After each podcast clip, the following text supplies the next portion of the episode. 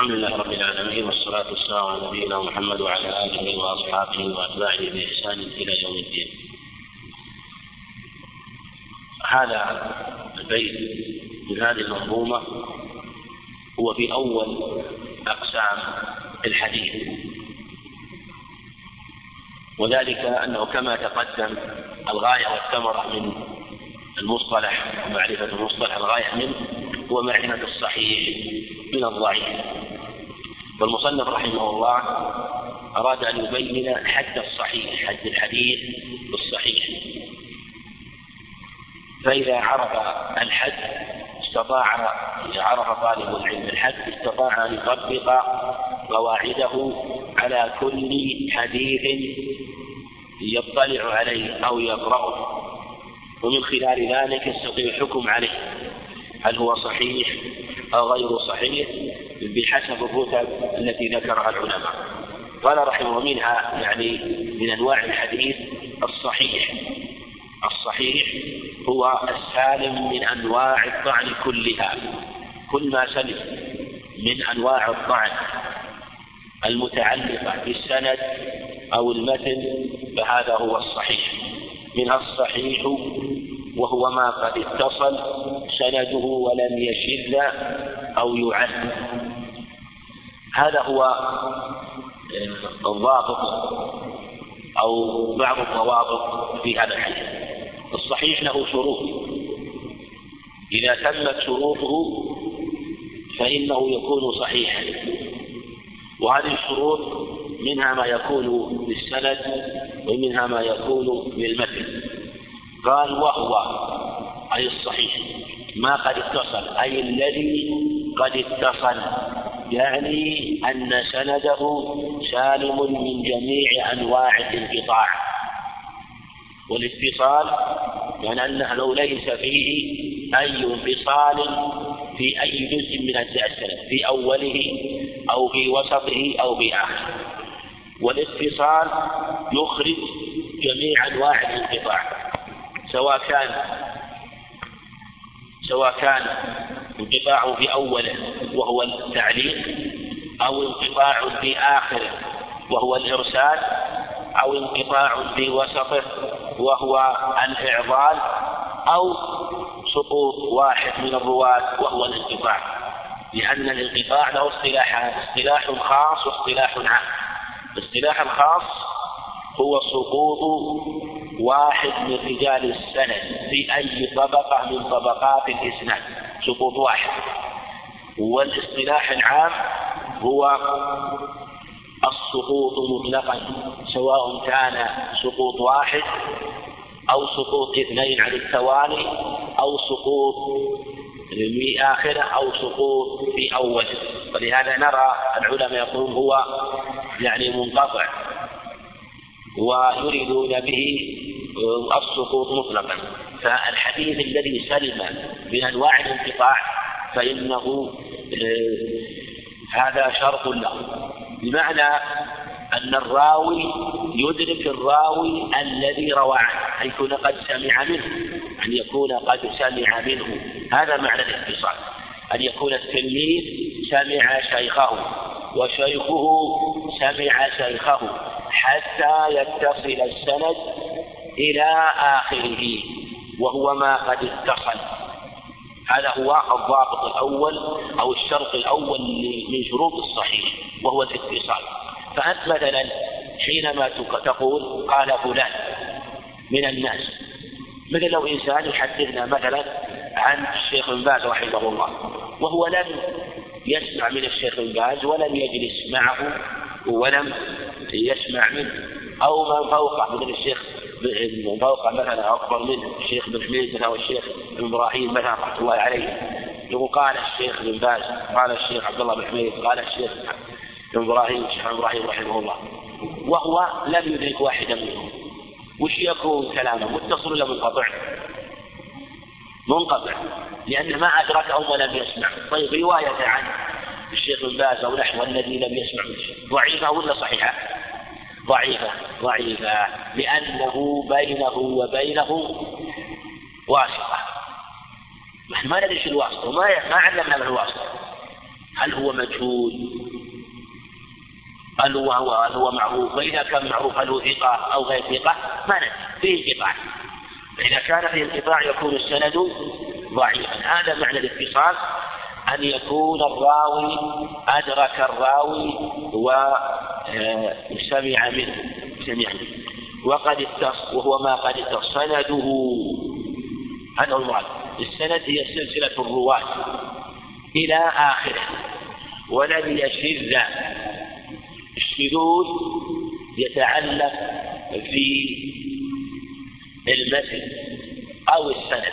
ولم يشذ أو يعد والشذوذ بمعنى أن يخالف الراوي من هو أوثق منه. أن يخالف الراوي من هو من هو أوثق منه. ولو كان ثقة. مثل أحد الرواة يروي حديثا أو خبرا عن شيخه. وهو لا بأس به. لكن أصحابه الثقات الذين هم أكثر منه عددا وأوثق منه خالفوه بهذا. نقل وخالفوا بهذا وأثبتوا خلاف قوله. نقول هذا شذوذ. وإن كان الراوي ثقة. فالشذوذ لا يلزم من ضعف الراوي قد يكون ثقة. فإذا خالف من هو أوثق منه أو خالف الراوي من هو سواء كان واحدا أم متعددا فهذا هو الشذوذ. ولهذا قد يكون السند صحيحا والمتن ماذا؟ شاذا بمعنى أنه شذ أي انفرد شذ أيضا ولم يشذ أو يعل أو يعل بمعنى أن يكون له علة خفية. قد يكون الحديث مثلا ظاهر سند الاتصال وليس فيه علة. لكن أهل العلم المتبصرين اطلعوا على علة خفية. مثل إنسان يروي عن شيخه وقد سمع منه قد سمع منه. إذا روى عن شيخ وقد سمع منه أنت حينما تسمع فلان يروي مثلا عن شيخه الذي يروي عن الشيخ ابن باز رحمه الله وقد سمع تحكم أن تقول هذا سند صحيح لأن فلان أدرك الشيخ وسمع منه. لكن ربما يكون شخص آخر يقول لا ما رواه فلان لم يسمعه من الشيخ. هذا الخلط دلسه لم يروه فهذه يعني الشيء الذي يكون ظاهر الاتصال لكن يطلع على علة خفية ويعلم بعض أهل العلم ونقاد الرواية أنه لم يسمع هذا الخبر من فلان أو هذا الحديث فلان وإن كان ظاهره الاتصال. إما لتدليسه أو للإرسال الخفي كما سيأتينا بأن يكون عاصره وروى عنه ما لم يسمعه منه. ولم يشذ أو يعل. هذه الشرط الثاني عدم الشذوذ. الشرط الثالث أيضا عدم الإعلان. فالشرط الأول ثبوتي وهو ثبوت الاتصال. الشرط الثاني نفي يعني انتفاء الشذوذ وانتفاء الإعلان يرويه شرط الرابع هذا الشرط الرابع؟ عدل العدل هو العاقل البالغ السالم من الاسم وخوارم المروءة على قول الجمهور. هو البالغ العاقل السالم من الفسق وخوارم المروءة. يرويه عدل ضابط. عدل هذه العدالة. وقيل ملكة تحمل على ملازمة التقوى والمروءة. وبعض العلم يقول اشتراط المروءة وضبطها لا يكاد ينضبط لأن المروءة تختلف من وقت إلى وقت وهي الأخلاق والأعمال التي يخالف ويشد فيها. فلا يمكن نقول إن روابط المروءة روابط محددة في كل وقت. مثلا في بعض الأزمنة يقولون من جلس من مشى مثلا من مشى حاسر الرأس أو لبس لباسا غير لباس بلده هذا ينافي المروءة مثلا. وذكروا أمورا مثل الأكل في السوق أو أنه يحمل متاعه ويبذل نفسه في الأسواق ويحمل ويشتري ويبيع وهذه أمور في الحقيقة فيها نظر. والصواب أن المروءة تختلف من زمان إلى إلى زمان ومن مكان إلى مكان ثم قد يكون الإنسان يعاني بعض الأمور ويعملها من باب هضم النفس ومن باب أيضا كسرها. وما ذكر أمور لا يوافقون عليها مثل كون من يأكل في الطريق فالأكل مجرد الأكل في الطريق لا يناقض المروءة ولا ولا ينافيها ثبت أن النبي عليه الصلاة والسلام مر مر برجل يتطبخ برمته لحما وكانت قد نضجت وكان سائرا في طريقه فقال هل نضجت برمتك يا صاحب البرمة؟ قال نعم يا رسول الله. يا رسول الله. فأخذ منها قطعة فجعل يلوك ويمشي حتى دخل المسجد فكبر عليه الصلاة والسلام بعدما أكلها ودخل المسجد ويلوكها وكان يلوكها قبل أن يدخل عليه الصلاة والسلام. ربما دخل السوق وربما مادح أصحابه. فذكروا أمورا وضوابط في المروءة في الحقيقة لا تصح. فالمروءة تختلف. من وقت إلى وقت. كما تقدم. لكن إذا كان ترتب عليها ترك لأمر ينافي ما عليه العرف فيكون الرجل يتهم ببعض الأمور مثلا أو يلزم عليه ترك ما يجب من الحقوق للناس أو تضييع الحقوق فهذا من جهة ترك ما وجب أو فعل أمر لا يجوز فيكون منافيا للعدالة. يرويه عدل. هذا هو الشرط الرابع كما تقدم. فالعدالة لا بد منها والعدالة العدالة ضدها ما ينافيها من الكذب أو الاتهام بالكذب أو الفسق أو الجهالة أو البدعة. فمن كان كاذبا كذابا أو متهما بالكذب أو فاسقا أو مبتدعا أو مجهولا فالعدالة منتفية عنه على تفصيل في الجهالة والعدالة بل في جميع هذه الأمور. أما الكذاب والمتهم بالكذب فلا تفصيل فيه في أن قوله مردود على كل حال. فهذه الأمور متعلقة بالعدالة. هذه الأمور التي تنافيها. لو وجد واحد من هذه الأمور وخبره مردود لكن رتبه مختلفة فمن كان كذابا فخبره موضوع. ومن كان متهما بالكذب فخبره موضوع أو قريب من الموضوع أو قريب من الموضوع. وإن كان فاسقا فخبره ضعيف جدا. وهذا المراد الفسق من جهة العمل. أما الفسق من جهة الاعتقاد فهو البدعة وفيها تفصيل. وإن كان مبتدعا فهو الفسق من جهة الاعتقاد. وهذه فيها كلام كثير وخلاف طويل لأهل العلم. والصحيح أن المبتدع إذا كان صادق اللهجة يتحرى الصدق فيما يقول فإن قوله مقبول وروايته آه، حجة من جهة أن المعول عليه بمثل هذا هو صدق اللهجة. والكتاب والصحيحات وكتب السنن وكثير من العلم شرف الصحيح رووا عن كثير من المبتدعة سواء ما يتعلق مثلا بالإرجاء أو ببعض أنواع التشيع ببعض أنواع التشيع. وكذلك أيضا آه، قوم من الخوارج رووا عنه رووا عنه. لكن اشترط بعض العلماء ألا يكون داعية إلى بدعته وألا تكون الرواية عنه في شيء يقوي بدعته بهذين الشرطين. ألا يروي شيئا يقوي بدعته وألا يكون داعية. فإن كان داعية فلا تقبل وإن روى شيئا يقوي بدعته فلا يقبل. فقالوا بهذين الشرطين. وهذا الاشتراط النازع فيه من ناجع خاصة للداعية وذكروا بعض رؤوس البدع ممن هم يدعون إليها. وذكروا خالد عمران بن حطان وله رواية الصحيح ولكن من أجاب بهذا قال إما أن يكون لم يعتمد على روايته وهذا مقام يحتاج إلى تفصيل كثير وبالجملة من كان صادقا لهجة لا يعرف من الكذب أو آه، ما قاربه من التهمة به فإن روايته مقبولة. أما ما سوى ذلك فموضع تفصيل على خلاف كثير للعلم في هذا. عدل ضابط الضبط.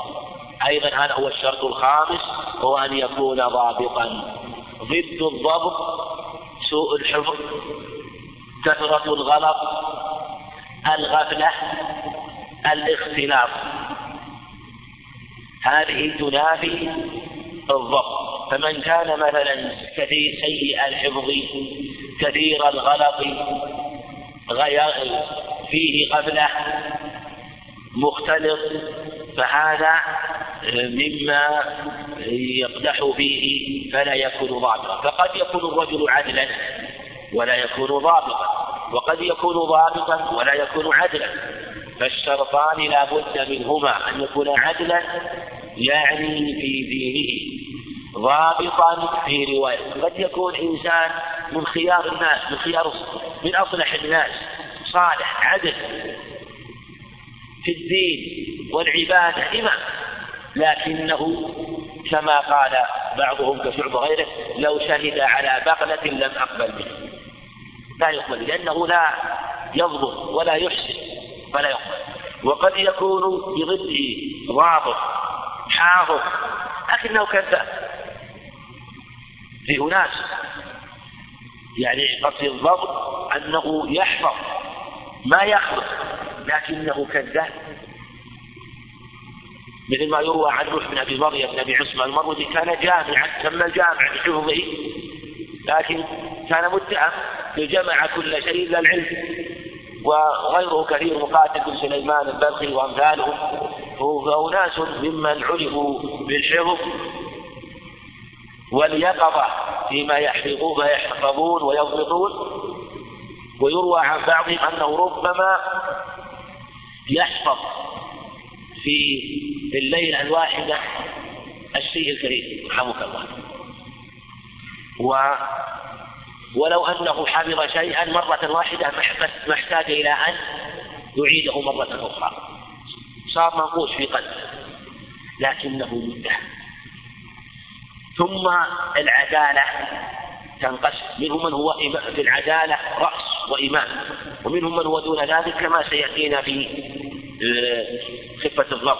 كذلك في خفة في مسألة العدالة والضبط. كذلك الضبط يختلف. منهم من هو رأس فيها ومنهم من يخف العدالة كذلك في الدين. منهم من هو فيها رأس. وإمام منهم من هو أقل من ذلك. وهي درجات عدل ضابط عن مثله. يعني هذه الشروط تشترط في جميع طبقات السند أن يكون السند من أوله إلى آخره من أوله إلى آخره. مثلا حينما يروي البخاري أو مسلم حديثا يرويه عبد عن عبد الرزاق عن معمر عن همام عن أبي هريرة. و وما أشبه ذلك مثلا من الروايات. لا بد أن تكون العدالة والضبط في جميع طبقات السنة فلو كانت الطبقة الأولى توفرت في هذه الشروط لكن الطبقة الثانية الراوي ليس بعدل أو ليس بضابط. فقدت فقد شرط من الشروط. ولهذا قال عن مثله يعني الذي مثله أيضا ضابط العدل والذي بعد ضابط إلى أن ينتهي. إلى ماذا؟ إلى نهاية السنة قد يكون إلى النبي عليه الصلاة والسلام مرفوع وقد يكون إلى الصحابي فيكون موقوف وقد يكون إلى التابع فيكون مقطوع. لأن الحديث أو الخبر قد يكون ينتهي إلى النبي عليه الصلاة والسلام ويشترط أن يكون بهذه الشروط إليه عليه الصلاة والسلام. أو إلى الصحابي موقوف عليه. فنشترط هذه الشروط إلى نهايته إلى الصحابي أو إلى التابع فكذلك. أو إلى تابع التابع وهكذا. كذلك ما يرويه الناس. اشترط في الروايات تكون هي صحيحة. حينما تروي قصة أو حكاية عن رجل عن رجل في سلسلة ثلاثة رجال اشترط الذي حدثك عدل ضابط لكي يكون صحيح خبر. والذي حدثه عدل ضابط والذي نقل عدل ضابط فإذا وفرت هذه الشروط كان الخبر صحيح. إذا ما توفرت نقص بحسبه تكون الرتبة كما سيأتي. وهذا هو النوع الأول. ولهذا العراقي يقول وأهل هذا الشأن قسموا السنن إلى صحيح وضعيف وحسن. فالأول يصل الإسناد. بنقل عن مثله بنقل عدل ضابط الفؤاد.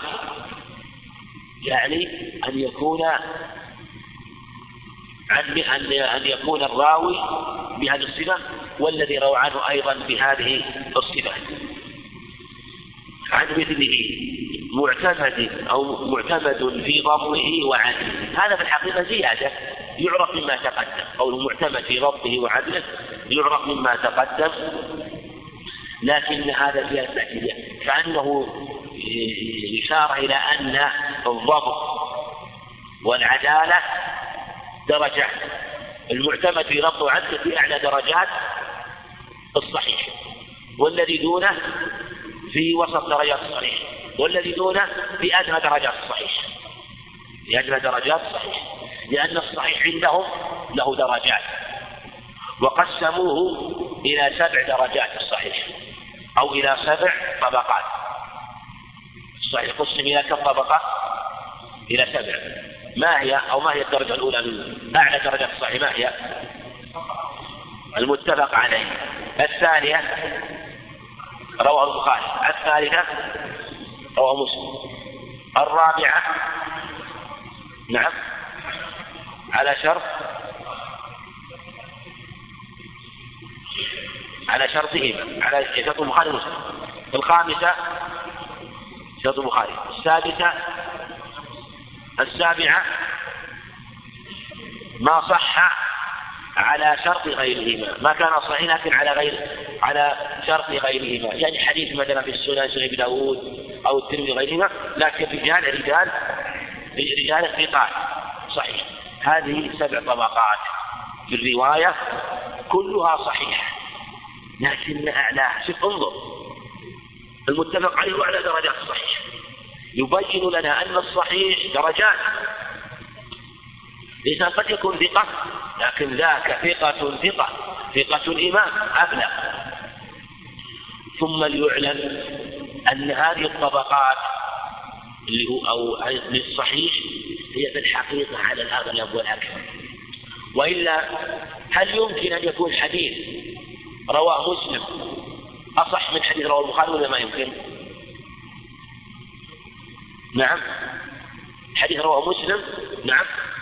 يمكن. يمكن حديث صحيح مسلم أصح من حديث ممكن حديث رواه أبو داود أصح من حديث رواه البخاري. أليس كذلك؟ ممكن. يعني ممكن حديث على شرطهما ولم يروه البخاري ومسلم أصح من حديث رواه البخاري. أليس كذلك؟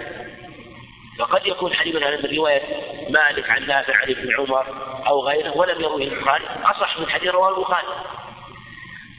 إذا ليس معنى ذلك أن كل حديث مثلا متفق عليه أو رواه البخاري مسلم أنه يفوق كل حديث ليس فيهما ولو كان شرطه أقوى. لا إذا كان رجالا أقوى فإنه يكون أصح. وعلى هذا نقول هذا الوصف وصف أغلب لأن بعض العلماء نازع. قال كيف تقولون المتفق عليه أصح مطلقا؟ قد يكون حديث رواه مسلم ولم يروه البخاري مثلا أصح. قد يكون حديث رواه مسلم وأخرجه البخاري ومسلم يعني حديث حديث أخرجه البخاري ومسلم وحديث ثاني أخرجه مسلم. وحده. يكون أصح من حديث اتفق عليه. لماذا؟ لأن رجاله في الدرجة العليا من العدالة. ولهذا عندنا صحيفة يسمونها صحيفة همام صحيفة مش صحيفة؟ همام بن منبه. هذه قرابة 140 حديث. كلها صحيحة. أخرج الإمام أحمد رحمه الله. يعني إما قد يكون أخرجها كلها أو أخرج معظمها رحمه الله تقارب 140 حديث أو 140 حديث. البخاري ومسلم أخرج منها سواء كان متفق عليها أو انفرد أحد من الآخر أخرج منها ما يقارب 198 حديث ولم يخرج فيها الباقي منها. وكلها بسند واحد. عبد بن عبد الرزاق عن معمر عن همام المنبه عن أبي هريرة. سندها واحد. طيب هذه الصحيحة. 140 حديث في أحاديث منها أخرجها البخاري واتفق عليها في أحاديث منها في هذا السند أخرجها البخاري. في أحاديث في هذا السند أخرجها مسلم. هل نقول هذه الصحيحة التي اتفق البخاري ومسلم عليها أصح من ما أخرجه البخاري وحده وأخرجه مسلم؟ أو نقول إن إنها في الرتبة واحدة؟ واضح هذا؟ واضح السؤال؟ شو نقول؟ هل نقول إن إن ما رواه البخاري ومسلم عن عبد الرزاق عن عن معمر عن همام عن أبي هريرة هل نقول إنها في الرتبة واحدة وكلها صحيحة بلا تفريق بين سند ولا سند سواء اتفق عليه أو أخرجه البخاري أو أخرجه مسلم أو لم يخرجه البخاري ولا مسلم أصلا نعم.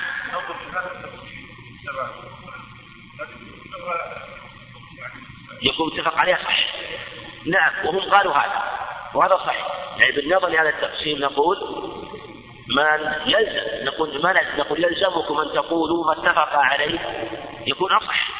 لكن في الحقيقة من جهة النظر نعم. سند واحد. صحيح. لا يقيس بعض على بعض. ولهذا نعم نقول ما دام السند واحد والبخاري ما استوعبها ومسلم ما استوعبها لماذا نقول عن الأحاديث التي لم يخرجها البخاري ومسلم؟ من هذه الصحيفة إنها دون ما اخرجها البخاري في الأصحية. نقول كلها صحيحة. ولهذا لو روى الإمام أحمد مثلا عن عبد الرزاق عن معمر عن حماد عن أبي هريرة نقول هذا إسناده صحيح. إسناده صحيح. ونقول عما اتفق عليه في هذه الصحيفة إسناده صحيح ولا نميز رواية عن واحد. هذه روى الإمام عن عبد الرزاق وهذه روى البخاري عن عبد الرزاق. والإمام أحمد إن لم يفق البخاري ومسلم فليس بدونهما. أليس كذلك؟ إن لم يفقهما فليس بدونهما. ولهذا الحافظ بن حجر في النكت رحمه الله أتى بعبارة جيدة. قال هذا التقسيم في الأغلب الأكثر. هذا التقسيم في الأغلب الأكثر لأن نازع فيه جمع من المحققين كابن كابن الهمام الإمام الحنفي الكبير رحمه الله وكثير منهم نازعوا في هذا التقسيم. قالوا هذا التقسيم ذكر ليس بصحيح لأن في أحاديث رواها مثلا الإمام أحمد رحمه الله ثلاثية أسانيد ثلاثية أصح مما رواه البخاري رحمه الله بسند خماسي أو مسلم أو غيره مثلا. حديث قوية بأسانيد مثلا رواية عن من أبي عدي عن حميد عن أنس. سند عال عظيم. هل يقال إن هذا السند إنما رواه البخاري مثلا من طريق حفص بن غياث عن أبيه عن الأعفش إلى إلى عبد الله بن مسعود أنها صح. لا يقال هذا السند أصح. هذا السند فيه كلام لأهل العلم. وهكذا غيره من الأسانيد. التي تأتي على هذه الصفات إذا يكون عندنا الحديث بهذه الضوابط بهذه الضوابط ومنها الصحيح وهو ما اتصل سنده ولم يشذ أو يعد. فالشروط فالشرط الأول هو الاتصال اتصال السند. الثاني ولم يشذ الثالث ولم أو يعد. نعم بعد.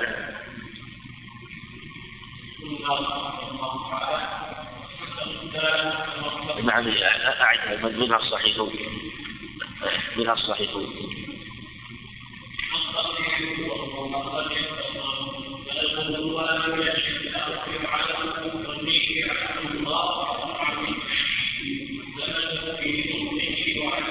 وهذا مثل ما تقدم. إذا هذه الشروط الخمسة. وهذه الشروط كما تقدم معنا هي شرط في الصحيح. وهي مشترطة أيضا من حيث الجملة فيما سيأتي فيما دون الصحيح لكن بضوابط أخرى. ولهذا نصنا حتى آه، يخرج ما سيأتي المعتمد في ضبطه وعده لأن المعتمد يعني حتى لا نقول إن هذا حشو لا نقول إن هذا حشو فنفسر عبارة الناظم رحمه الله أن المعتمد يعني الضبط التام. أن ضبطه تام. هذا هو المراد. هو تام الضبط. وهو معتمد الضبط. لأن سيأتينا أن الحسن يكون ضابط لكن ليس كضبط. صاحب راوي الصحيح فلهذا قال معتمد في ضبطه وعدله. أي لم ينقص ضبطه ولم تنقص عدالته. نعم. نعم. العلة أشرنا إليها ولا لا أشرنا إليها؟ أشرنا إليها مسألة ما إذا كانت السند ظاهر ظاهر الاتصال قلنا إذا كان السند ظاهر الاتصال وعدم الإعلان متصل لكن في علة خفية مثل عدم السماع أو التدريس مثلا أو أن الراوي هذا أخطأ في روايته أخطأ مثلا في روايته آه، وعلم أحد الحفاظ أنه أخطأ في هذا الحديث بعينه. قد يكون إنسان متقن لكنه أخطأ عن شيخه في هذا الحديث. فالذي يرى بعد السنة يقول هذا ثقة وشيء ورواه عن ثقة لكن يأتينا إمام الحافظ يقول هذا له علة خفية له علة خفية. ثم أيضا أشير قبل ذلك مسألة الضبط اللي نسيت أنبه عليها والضبط الضبط نوعان معتمد في ضبطه ضبط صدر وضبط كتاب. ضبط صدر وضبط كتاب. لأن لا يشترط في الضابط أن يكون حافظ. قد يكون إنسان ضابط لكن ليس بحافظ. وعنده كتاب. إذا روى يكتب مباشرة. فكتابه مضبوط. وإذا حدث حدث من كتابه. فهذا أيضا معتمد في ضبطه. يمكن استفادة عبارة المصنف. يعني يكتفى أن أن يكون ضبطا معتمدا. فقد يكون الضبط المعتمد ضبط صدر. والعلم ما حواه الصدر لا ما حواه القمطر. لكن إذا لم يتمكن إلا بالقمطر وهو ما يجعل به كتابة فلا بأس بشرط أن يكون حافظا لكتابة. ضابطا لكتابة. أن يكون حافظا ضابطا لكتابه آه، حافظا له من الخلل. إذا حدث يعرف الحديث. وأن حدث عن شيخه. وهذا هو ضبط آه، الكتاب. ولهذا كثير من المحدثين يحدث من كتابه. لا يكون حافظا لكنه يرجع إلى كتابه ويحدث من كتابه وهذا معتمد في ضبطه. ومن ومن الشواهد في هذا الباب أيضا ينبغي أن يعلم أنه أحيانا قد يكون الضابط إنسان ضابط وإن كان يسمع الحديث وينام. إنسان يأتي عند المحدث وعند شيخه لكنه ينام ويسهو ويغفر. هذا وش حكمه؟ موضع. لكن في بعضهم ضابط وإن كان ينام. نعم. طيب حضر بدنه وروحه ولا بس جسمه؟ نعم يعني هو ضابط ومع ذلك كان ينام. بل إذا بل الشيخ إذا أخطأ ربما عد خطأ. نعم. ربما يقول اعرض علي سماعك. ويصحح سماعك وأنت لم تنم. نعم. شلون؟ كيف ضبط الكتاب؟ ونايم شلون يطيب؟ نعم. لا هو الآن يصحح لأقرانه نعم يصحح لهم الآن. يصحح لأقرانه يقول أعطوني ما عندكم يقول أخطأتم في كذا. يقول أخطأنا وأثنائي نعم. شلون سمعها؟ لا من شيخ. من شيخ. هذا من الشيخ هذا. هو من الشيخ وحده يعني. نعم. طيب من من من أين الشهادة تدل على هذا؟ الكل يدعي ويقول ويقول حدثني عبد الرزاق عن الخالق الرزاق على قد يقبل له ذلك نعم.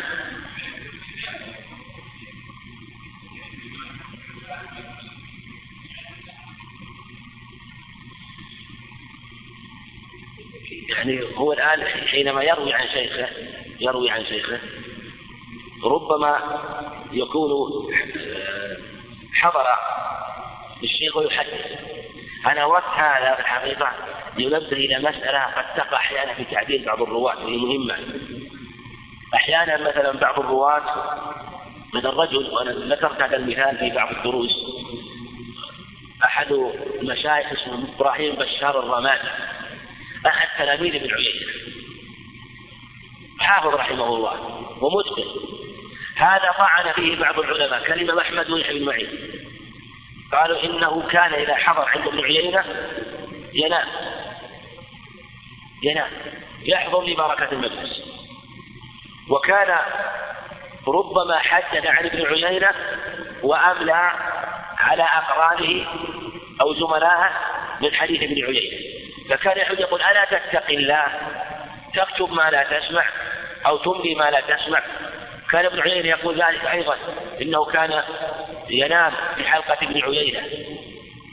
لكن هذا أثبت ثقة رحمه جمع من العلماء وبينوا أن ما قال أحمد رحمه الله إما أنه خفي عليه أو أنه قصد شيئا معينا. إبراهيم بشار هذا رحمه الله قد حفظ حديث ابن عيينة وسمعه كله قبل أقرانه وحضر مجالسه منذ سنوات طويلة. وحفظ أحاديث كلها. كان ابن عيينة يعرف سماع الذي قد عرضه قبل ذلك. فكان يأتي إبراهيم بشار ببركة المجلس. فربما غلبه النعاس وقد كان قد سبق زملاءه بسماع هذه الأحاديث بمتونها وأسانيدها وسمعها مرارا. وهذا في الحقيقة مما يبين أن الإنسان لا يستعجل حينما يأتي ويرى ترجمة رجل يتكلم فيه. إمام ثم يفسره إمام آخر. وهذا الرجل بين حاله ابن حبان رحمه الله. ابن حبان له أحيانا نكت مهمة وإشارات جيدة آه، في ثقاته رحمه الله آه، تفسر وتبين. ولهذا قال إن إبراهيم بشار هذا قد سمع وقد بين ذلك نفسه. قال سمعته قبل أربعين سنة. قال وكان يحضر ببركة السماع وأي ضير عليه أن يحضر ثم ينام ويملي من شيء قد حفظه قبل ذلك. فهذا قد ضبط إما ضبط صدر وكتاب أو ضبط صدر. ومثل هذا لو حضر مثلا ونعس ونام ما يضر. لكن أحمد رحمه الله إما أنه خذ عليه حاله أو أنه يرى حتى وإن آه، كان قد سمع قبل ذلك فالسماع الثاني ما يفليه وإن كان قد انعاد. لكن هذا لا شك نوع من التشديد وما دام أنه قد سمعه وضبطه فلا يقول مثل الإنسان يحضر درس مثلا من دروس العلم قد سمعه تماما ثم يغفل أو ينام فيسأل عن ما قال مثلا شيخه مثلا في هذا أو أستاذه في هذا الدرس فيقول قال كذا وكذا. ولو وإن كان لم يسمعه في سمعه قبل ذلك لا ضير عليه في ذلك. فهذا لا يخرجه عن درجة الضبط والإتقان. نعم.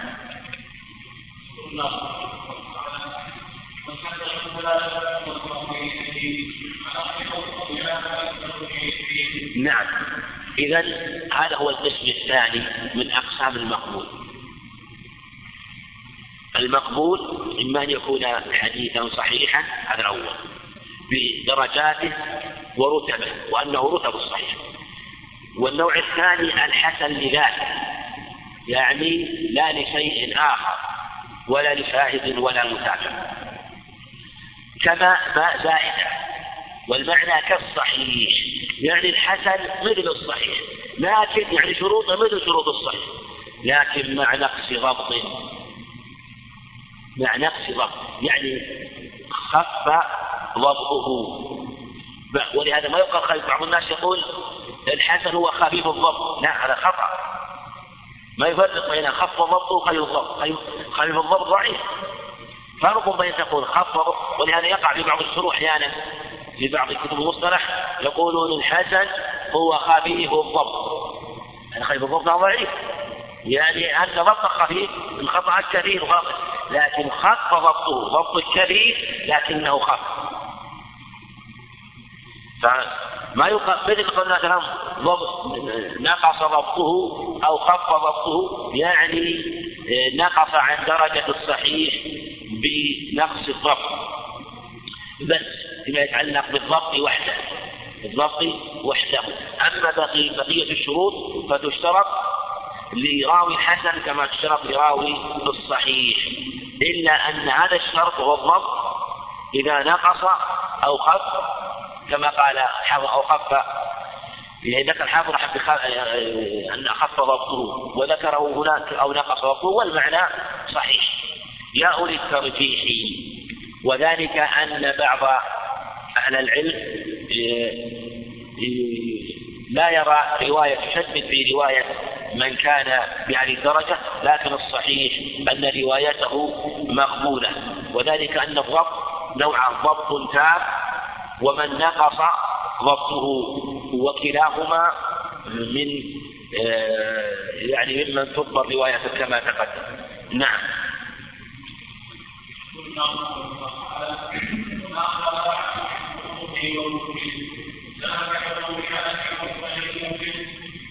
نعم.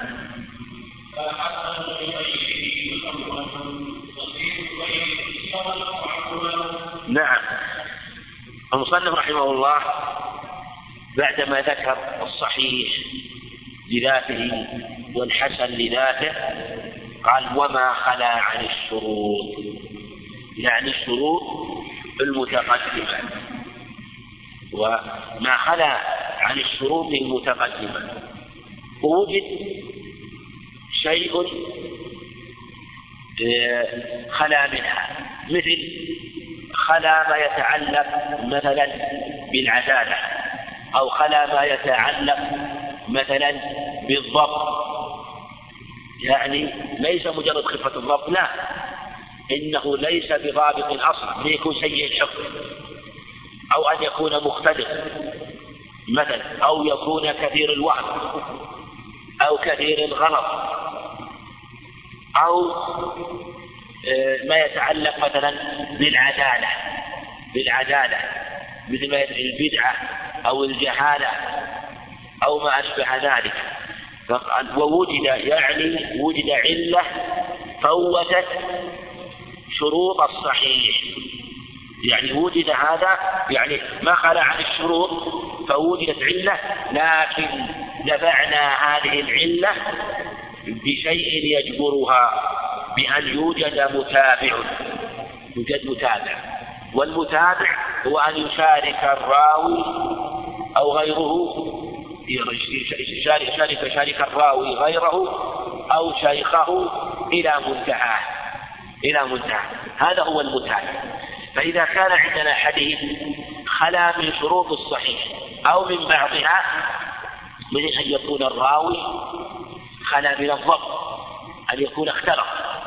والاختلاط إما أن يكون بسوء الحفظ واختلاط طارئ. اختلاط رحمك الله. أو سوء حفظ ملازم من الأصل. فسوء الحفظ إن كان ملازما فهذا يقال سيء الحفظ. وإن كان طارئا يقال له مختلط والمختلط درجات. في هذه الحالة يكون الحديث ضعيف. هذا ضعيف. حتى يصل إلى درجة حسن فإن كان الضعف شديدا بأن يكون في سند متروك يتعلق بالعدالة أو متهم. فهذا ضعيف جدا. أو كذاب هذا موضوع. وما خلا عن الشروط ووجد متابع. يعني إن أمكن أن يصلح للمتابعة. فقولنا أمكن أن يصلح للمتابعة بوجود المتابع يخرج ما إذا كان الحديث أو الراوي لا يصلح للمتابعة مثل أن يكون الراوي كذاب. الكذاب هل يصلح للمتابعة أو روايته لا تقبل؟ كذاب لا تعتضد روايته بل لا لا يقال ان هذا الكذاب اعتقد وقوي في روايته فلو جاءنا حديث مثلا من طريق كذاب في كذاب ثم جاءنا من طريق آخر في إنسان سيء الحفظ هل نقول يقوى هذا السند الذي روى الكذاب ولا ولا لا لا نقبله؟ لا نقبله، الكذاب لا يقول ولا كرم، كذلك المتهم. كذلك أيضا الفاسق. فقال العلماء يشترط في المتابع ألا يكون ضعفه شديدا. هذا ما يستفيد طالب العلم. فالحديث عندك من طريق إنسان فيه كذاب أو متهم بالكذب أو فاسق من جهة العمل متهتك لا يبالي فهذا لا تقبل روايته ولا يعتضد ولو شهد له غيره. بل ينظر إلى الشاهد. فإن كان قويا بنفسه يعتمد عليه وذاك لا لا تقبل شهادته لا لا لا له ولا لغيره. ووجد متابع ما هو المتابع؟ المتابع يعني أن يعضد الراوي الراوي. لو عندنا حديث مثلا رواه مثلا علي بن زيد بن جدعان جدعان الزهري وهو فيه ضعف فيه ضعف. وكان حديث حديث آخر من طريق شريك بن عبد الله النخعي وهو ضعيف. ضعيف. فتابع أحدهما الآخر بمعنى أنه روى شريك الحديث مثل ما روى علي بن زيد بن جدعان مثل ما روى علي بن يعني كلاهما اجتمع على الحديث. وهو ضعفهما ليس شديد. فاجتماعهم الضعيفين يجعلان الحديث ماذا؟ قويا. يجعل الحديث قويا. فضعيفان يغلبان قويا. ربما الضعيفان يغلبان القوي. يعني لاعتضاد هذا بهذا. والمتابع كما تقدم أن يروي أن يتابع الراوي الراوي في شيخه. مثاله مثلا إذا روى الشافعي عن مالك عن نافع عن ابن عمر. الشافعي عن مالك عن نافع عن ابن عمر.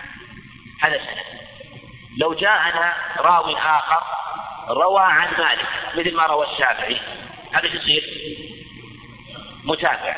لأن الشافعي روى عن مالك وكذلك الراوي الآخر رواه عن مالك يكون متابع.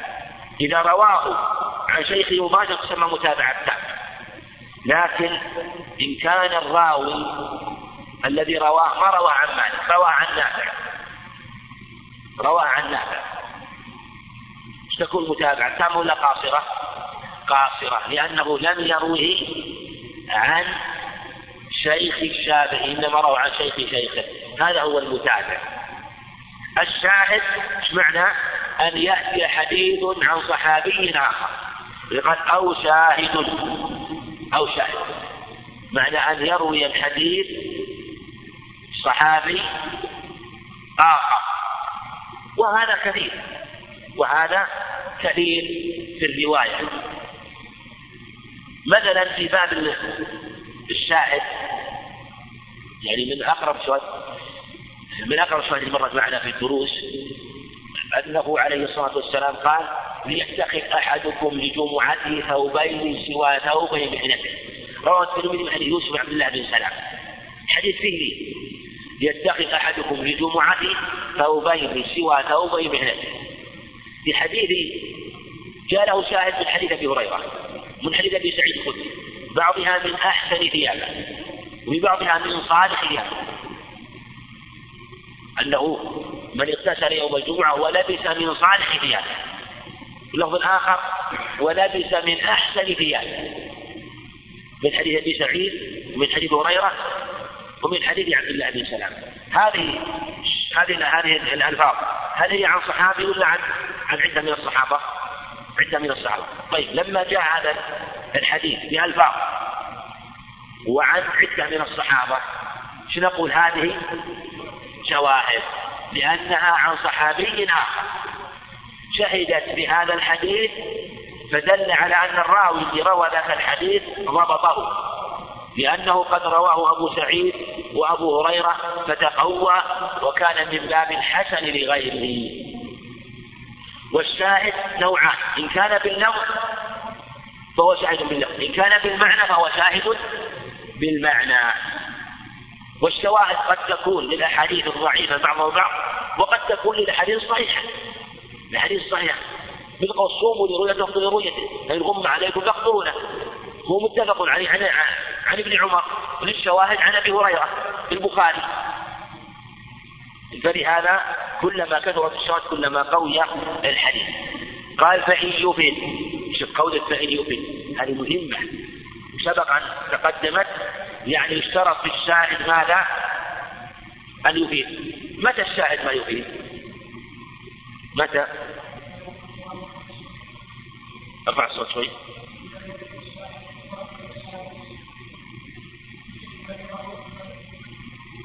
يعني يعني قوله متابع أو شاهد إذا كان متابع شاهد من باب الحسن يعني إذا كان الحديث ضعيف وكان متابع يكون باب الحسن لغيره أليس كذلك؟ طيب في بعض الأحيان يأتي متابع لكن لا يفيد. لا يفيد. نعم. نعم شكوى إذا كان إذا كان شديد الضعف. يعني إذا كان ولهذا نحن قدمناها وهو مع المنتبه المصنف أشار إليها رحمه الله. قول فإن يفيد يعني يفهم أن المتابع أحيانا لا يفيد. يعني شيخ الراوي قدام أو كذاب. هذا لا قيمة له في الحقيقة فلا يفيدنا شيئا. هذا قيد مهم من المصنف. فإن يفيد فحسن. فإن يفيد فحسن لغيره. يعني إذا خلا الحديث من الشروط وصار مثلا به ضعف كما تقدم ثم يعني كان فيه كان فيه ضعيف بسبب ضعف سوء الحفظ أو التدليس أو الاختلاط هذا ضعيف. جاء له شاهد أو متابع فإن يعني مقارب له ضعفه يسير مثله.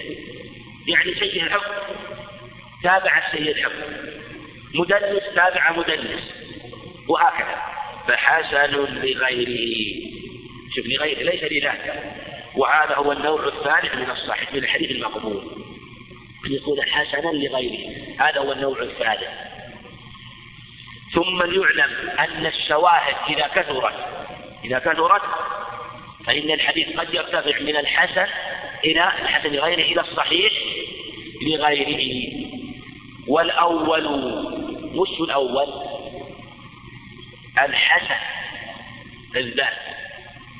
والحسن والأول صحيح غيره إن يرى المعول أو إن يرى يعني حينما يكون عندنا حديث سند حسن. هذا ما يحتاج إلى شواهد ولا لا؟ مقبول. لكن إذا جاء الشاهد مثل حديث رواه عمرو بن شعيب عن أبي عن جده هذا سند حسن. وجاءنا من طريق باهز بن حكيم عن أبي عن جده وجاءنا من طريق مثلا آه، عبد الرحمن بن يعقوب مولى الحرقة عن أبيه عن أبي هريرة. مثلا. أو ما أشبه من أسانيد الحسنة. مثل سهيل بن أبي صالح عن أبيه عن أبي هريرة. هذه كلها أسانيد حسن في درجة الحسن. طيب هذا ما يحتاج إلى شيء لكن لو أن هذا الحديث بهز بن حكيم جاء له شاهد عن سهيل بن أبي صالح. والأول يعني إن جاء له متابع أو شاهد. يعني الحسن لذاته إن جاء له شاهد أو متابع صحيح غيره يعني إن يرى يعني إن ترى له متابع أو شاهد يرتفع من الحسن لذاته إلى ماذا؟ إلى الصحيح لغيره. قوله المعول في شيء محذوف يعني المعول عليه. هو المعول قول المعول عليه أنه صحيح غيره. أنه صحيح غيره. وهذا هو القسم. أي قسم هذا؟ الرابع ولا لا؟ تقدم الصحيح؟ والحسن حسن لغيره والصحيح. هذا هو القسم الرابع من أقسام الحديث المقبول الذي هو حجة. وهي بترتيبها أولا الحق الصحيح لذاته الثاني الصحيح لغيره. الثالث الحسن لذاته. الرابع الحسن لغيره. طيب ليش قدمنا الصحيح لغيره على الحسن لذاته؟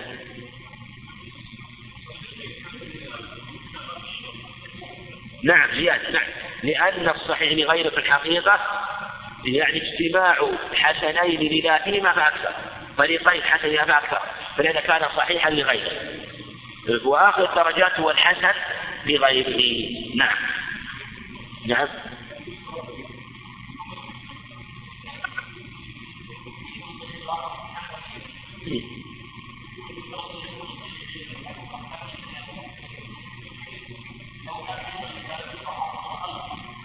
والله هذه هذه موضوع اجتهاد الحقيقة. هو عندهم لابد أن يكون حسن لذات يكون هذا حسن لذات وهذا حسن لذات لكن إذا كان شاهد حسن لغيره لكن الحقيقة أرفع من الحسن لذاته وأقل من الصحيح لغيره. أقل. وعلى هذا إذا أشكل إيش تقول؟ سيأتينا. يعني لا ندري هل نقول حسن هو فوق الحسن أو صحيح هو دون صحيح دون الصحيح. سيأتينا في عبارة تكون مخرج يعبر عنها بهذا. نعم.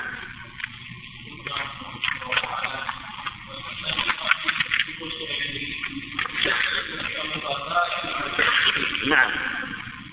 والحسن الصحيح. هذا انتقل رحمه الله إلى رتبة أخرى وهي الجمع بين الحسن والصحيح.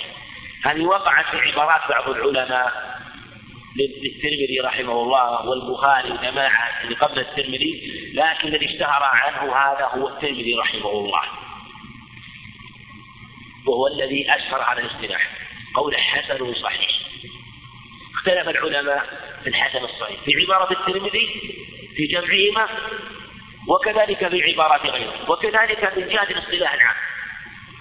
فقيل الحسن الصحيح الحسن الصحيح رتبة بين الحسن والصحيح. أرفع من الحسن وأقل من الصحيح. يقول ابن كثير وهو برزخ بين الحسن والصحيح. وهذا قول رده في الحقيقة. وقيل الحسن الصحيح المعنى أنه حسن أو صحيح.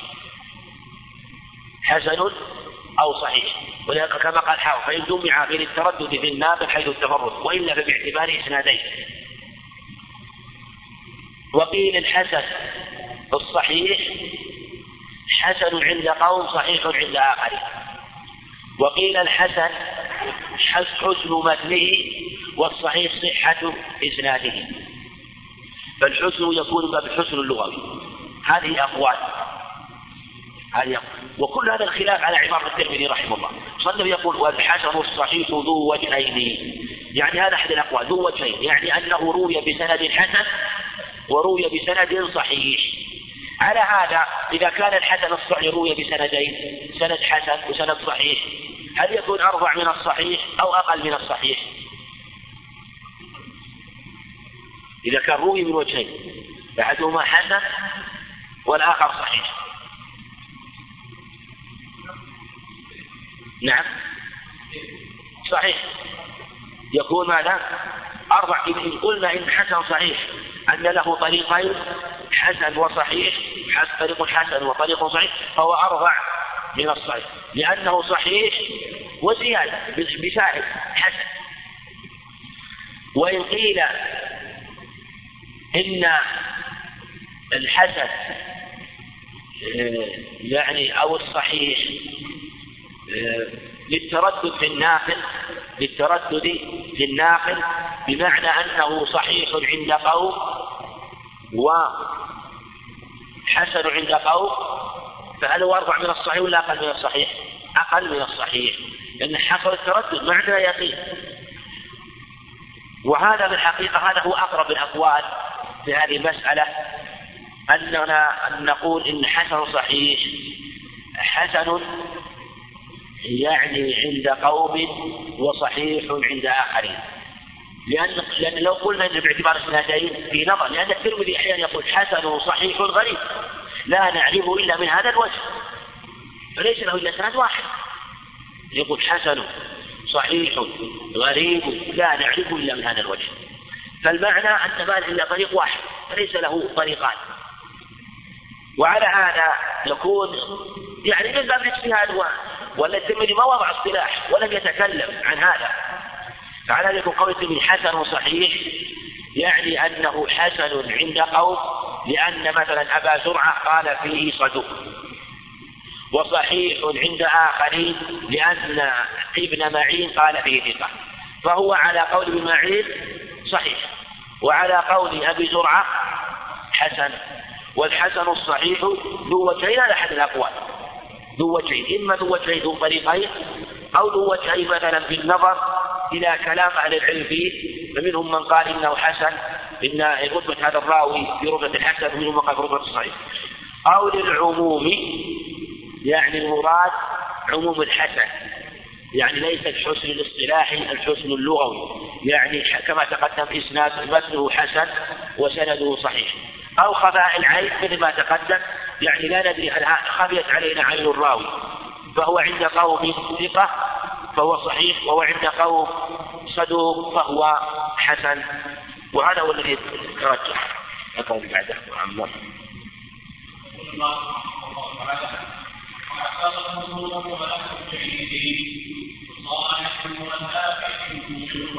نعم على وكل معظم المصنف رحمه الله لما ذكر رتب الحديث المقبول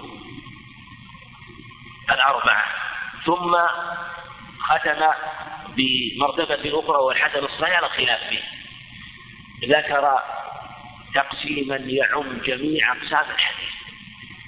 وهذه سبق الإشارة إليها في مسألة ما إذا تردد الناظر الحديث. وعم يعني يعم ويشمل.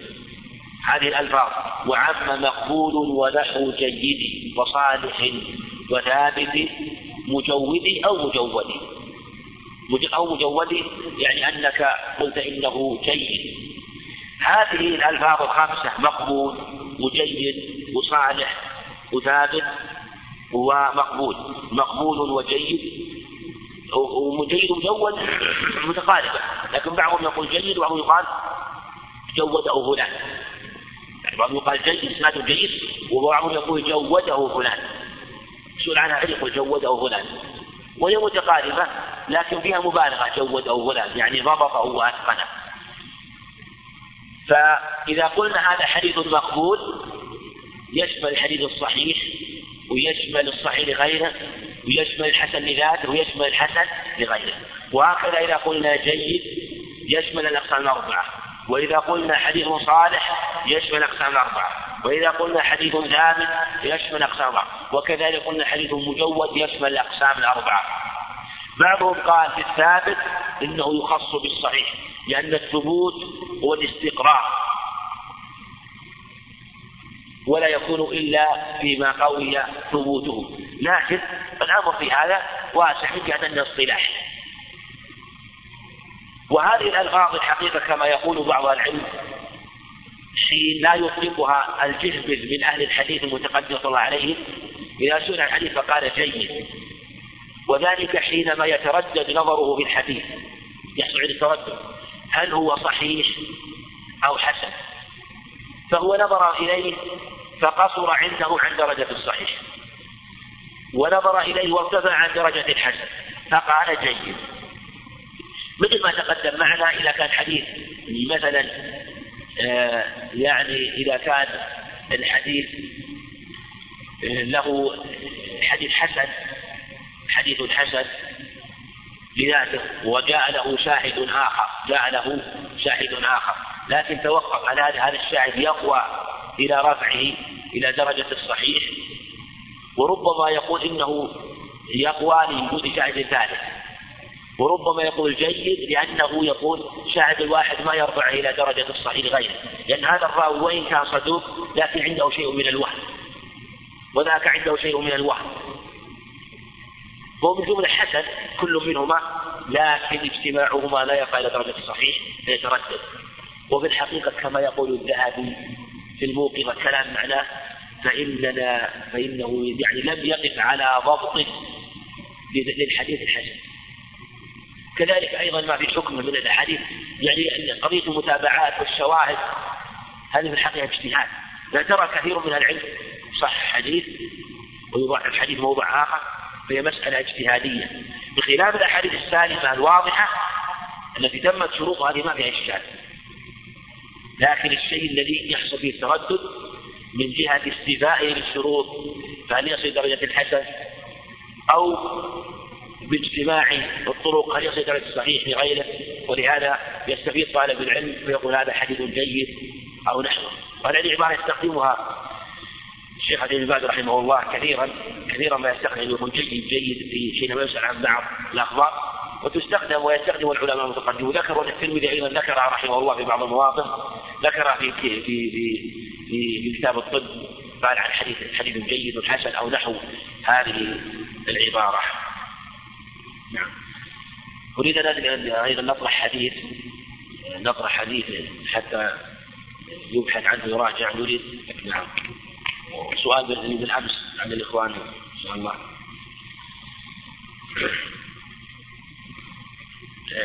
في حديث أريد أن يبحث فيه. من جهة من رواه من جهة من رواه ومن جهة الحكم عليه. على الحديث هل هو مستوفي للشروط فهو صحيح أو دونه فهو حسن أو لم يستوفي الشروط فهو ضعيف؟ ويستوفي الشروط فهو ضعيف. أريد أن ينبه أيضا قبل ذلك إلى نقطة في يحتاج إليها مختصرة في مسألة الرواية.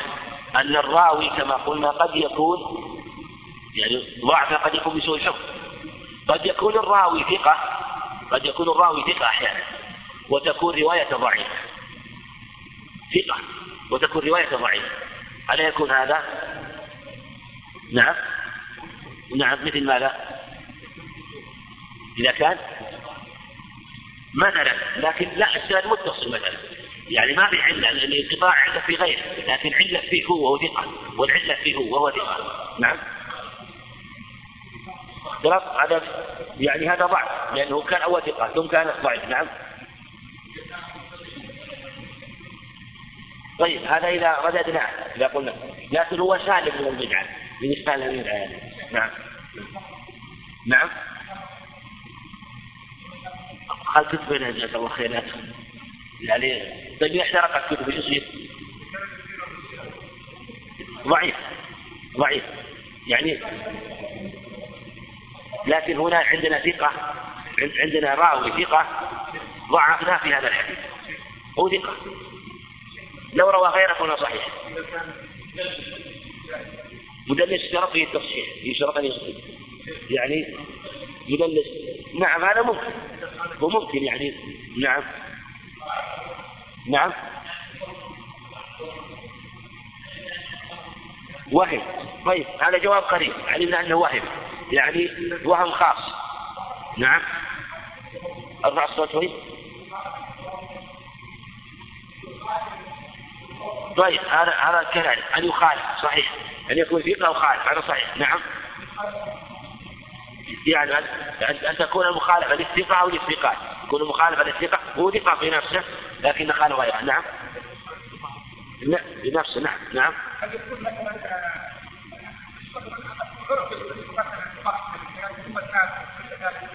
عفى الله عما سأل الحمد لله. نعم. يعني لكن لكن الآن وحاله موجود. هو الآن وحالة ثقة. ومع ذلك مضاعف رواية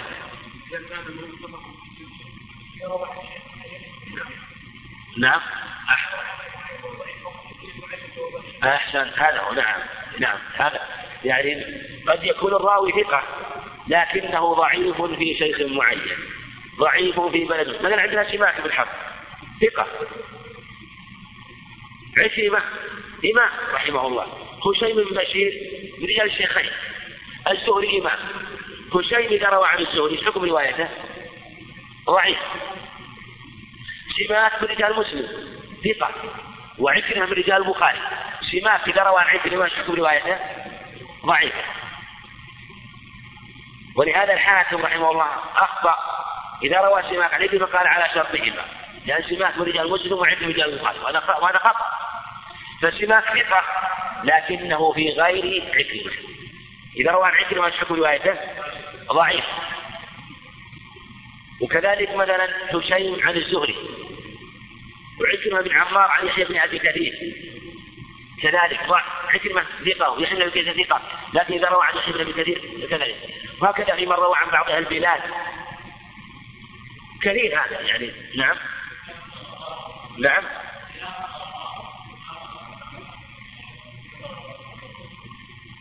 وهو ثقة يعني. كذلك أيضا لو علم خطأه في هذا الحديث مثلا قد يكون ثقة لكن علم أنه أخطأ. فأنا قصدي أن ننبه عليها في مسألة الضعف. قد يكون السند ضعيفا بسبب خطأ مقيد. ليس مثلا وهما وهما له ملازم لسوء حفظ أو اختلاف خلاص. لكن ممكن المختلط المختلط نعم المختلط أيضا.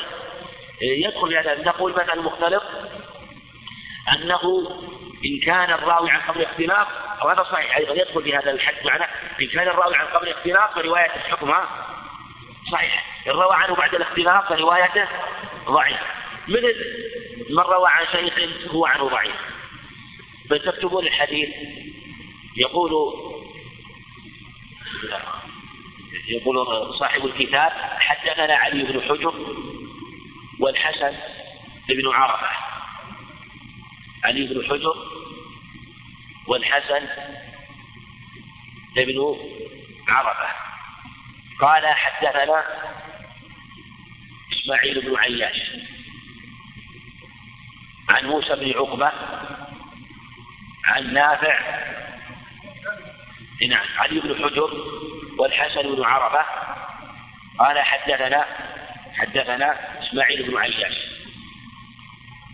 إسماعيل بن عياش. عن موسى بن عقبة. عن موسى بن عقبة. عن نافع. عن ابن عمر.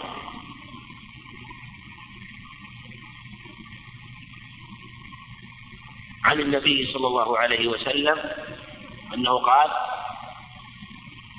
لا يقرأ أو لا تقرأ الحائض ولا الجنب شيئا من القرآن.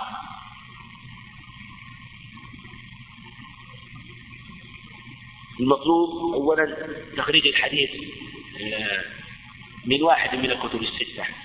من واحد من الكتب هو في واحد من الكتب الستة. يعني لو مصدر واحد من الكتب الستة واحد من الكتب الستة هو وكذلك النظر في إسناده هل هو مستوفي للشروط فيكون ثابتا أو غير مستوفي للشروط فيكون ضعيفا؟ ثم العلة. العلة.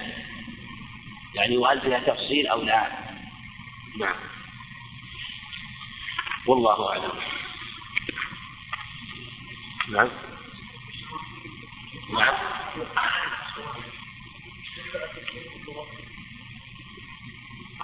شو؟ اي نعم التصحيح هو نعم بالشواهد نعم بالشواهد يعني مثل ما تقدم تكون من طرق لكنها بشرط أن تكون من صحابي آخر. يعني الطرق لا يلزم تكون من صحابي آخر قد تكون من نفس الصحابي. أما الشواهد لا من طرق عن صحابي آخر. نعم. نعم. سؤال عن نعم. إذا ماذا بعض الإخوان أرسل إجابة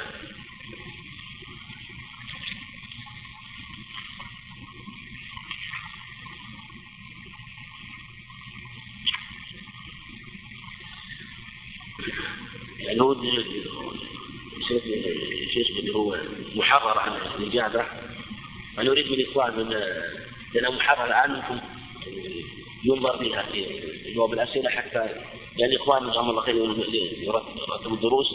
أيضا لما هم رغبوا أن يكون فيه كتب توزع لإجابة تختار قلت أنا إن كان قصير طرح السؤال ما ما كان قصد إلى مسألة جائزة وكذا لكن الإخوان رغبوا جزاهم الله خير. وهذا يشكر عليه أنه يكون فيه جائزة يعني جوائز تكون على كل إجابة. إن كانت مثلا جميعا صحيحة يختار عن طريق القرعة يختار عن طريق القرعة وإن كانت الإجابة مثلا واحدة تكون الإجابة الواحدة. ف وقلت أيضا يعني يبين لهم الإجابة الإخوان يبين لهم الإجابة الصحيحة وهم عاد يكون الاختيار ووضع القرعة عن طريق الإخوان في النظر في الأسئلة نعم. نعم نعم. ويكون مثلا من الغد في مسألة حتى تفضل يعني يكون كتابتها مثل ما قال الإخوان تكون محررة لا بأس. ويكتب الاسم ويسلم الإخوان لإخوان إمام المسجد أبو محمد فهد سلم الإجابة والإخوان يتابعونه. ولا بأس هذا جيد هذه الحقيقة. وأنا يعني أنظر مثلا أعطيهم الإجابة اللي تكون هي الإجابة يعني الصحيحة. وبناء عليها يكون اختيار الإجابة. حتى لا حتى لا يستغرق حتى لا يستغرق معنا وقت في في قضية النظر و لأن المقصود المقصود الفائدة. ثم بعد في كل درس من باب إتمام الفائدة نذكر الإجابة في بعد نهاية الدرس. نذكر الإجابة بعد نهاية الدرس لكل سؤال. يعني من باب الفائدة. نعم. وهذه اللي بعض الإخوان موجودة. والله أعلم. صلى الله وسلم فيكم نعم نعم ينبه على مسألة الدرس وسبق نقاش مع الإخوان.